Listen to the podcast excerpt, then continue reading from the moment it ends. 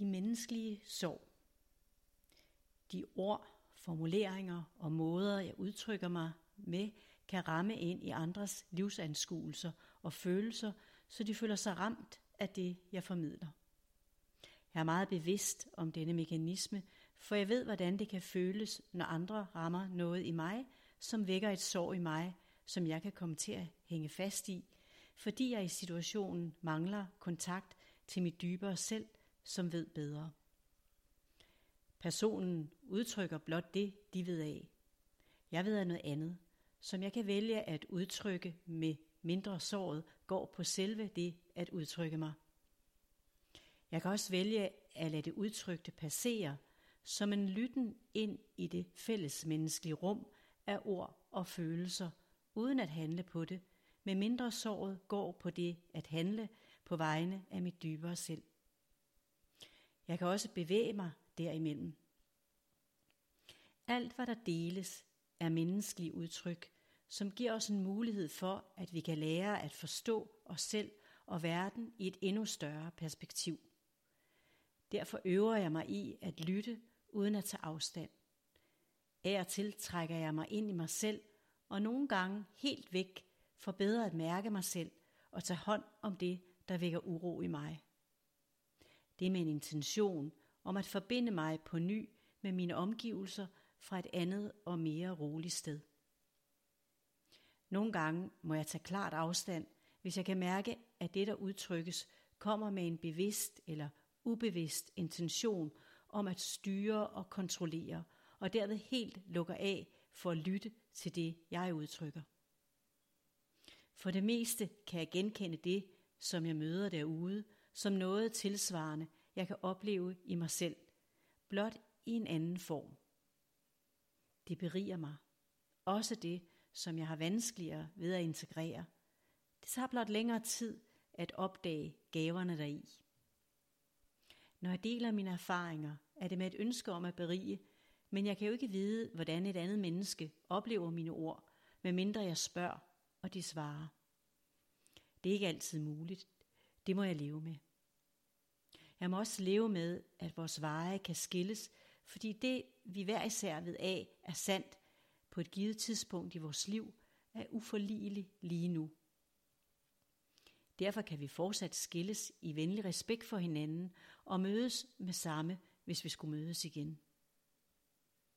Jeg forsøger at inkludere og at forbinde mig med andre på tværs af vores forskelligheder, og samtidig ønsker jeg at være autentisk i forhold til det, der bevæger sig i mig i mødet med et andet menneske. Det er både de udtrykte ord og de implicite følelser, jeg forholder mig til, for begge dele bevæger mig. Det kan være en svær balance, især hvis det kun er den ene part, der føler ansvar for det, der opstår i os selv i mødet med et andet menneske. Det samme, hvis der opstår en kamp om at få ordet og få ret. Her kan det være befriende at trække sig i fred med, at enighed kan være en mulighed, sjældent en nødvendighed. Og det at slippe en konfliktfyldt situation er ansvarlighed på et andet niveau. For mig er intet menneskeligt møde tilfældigt. Alt har en mening og en potentiel læring, hvis vi lytter indad til vores dybere selv. Så vil vi opdage, at det, der bevæger os, kommer af nogle menneskelige erfaringer, som ofte er fællesmenneskeligt genkendelige, og som ingen enkelt person kan anklages for, hvis vi ser tilstrækkeligt langt tilbage i tid og rum. De samme fællesmenneskelige følelser og dramaer genudspiller sig igen og igen, blot i nye forklædninger, på nye scener, med nye rolleindhaver, indtil de opløses. Tid og rum er i det perspektiv betydningsløse begreber. Alt foregår lige her og nu. Til gengæld er der også mulighed for forvandling her og nu. For vi behøver ikke nødvendigvis at gå tilbage i tiden for at forandre os i nutiden og dermed ud i fremtiden. Det forudsætter, at vi øver os i at være med det, der er her og nu, i os selv og i møde med hinanden, og så forholder os til det. Vi kan vælge at udtrykke os, hvis vi er i stand til det. Vi kan også lade det udtrykte hvile og opløses i det kollektive felt af ord og følelser.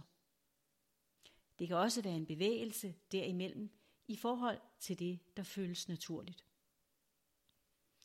Det jeg udtrykker, rækker i en forstand ud over min personlighed, mit ego. Jeg skal hverken have hele æren eller hele skammen for det. Jeg skal bare stå til ansvar for det, som jeg selv hænger fast i, både i min væren og i min gøren, så jeg slipper dramaer og sætter mig selv og andre fri. Jeg håber inderligt, at vi mennesker kan tage hånd om vores sorg på bedste vis, velvidende, at der intet forkert er med såret eller i det at række ud efter hjælp. Vi er her sammen, og vi vækker hinanden med vores væren og gøren, og nogle gange er det smertefuldt, og andre gange saligt befriende. Der er altid et menneske derude, der kan spejle os og hele os, når vi føler os såret og ude af balance, hvis vi altså tillader det. Og på samme måde kan vi støtte andre, hvis de tillader det. Resumé.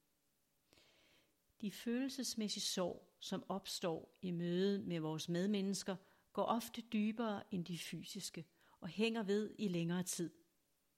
Ved at anerkende dem og bringe dem frem i det fælles rum af fællesmenneskelige lidelser, bliver byrden mindre, for de er ofte genkendelige, også gennem generationer.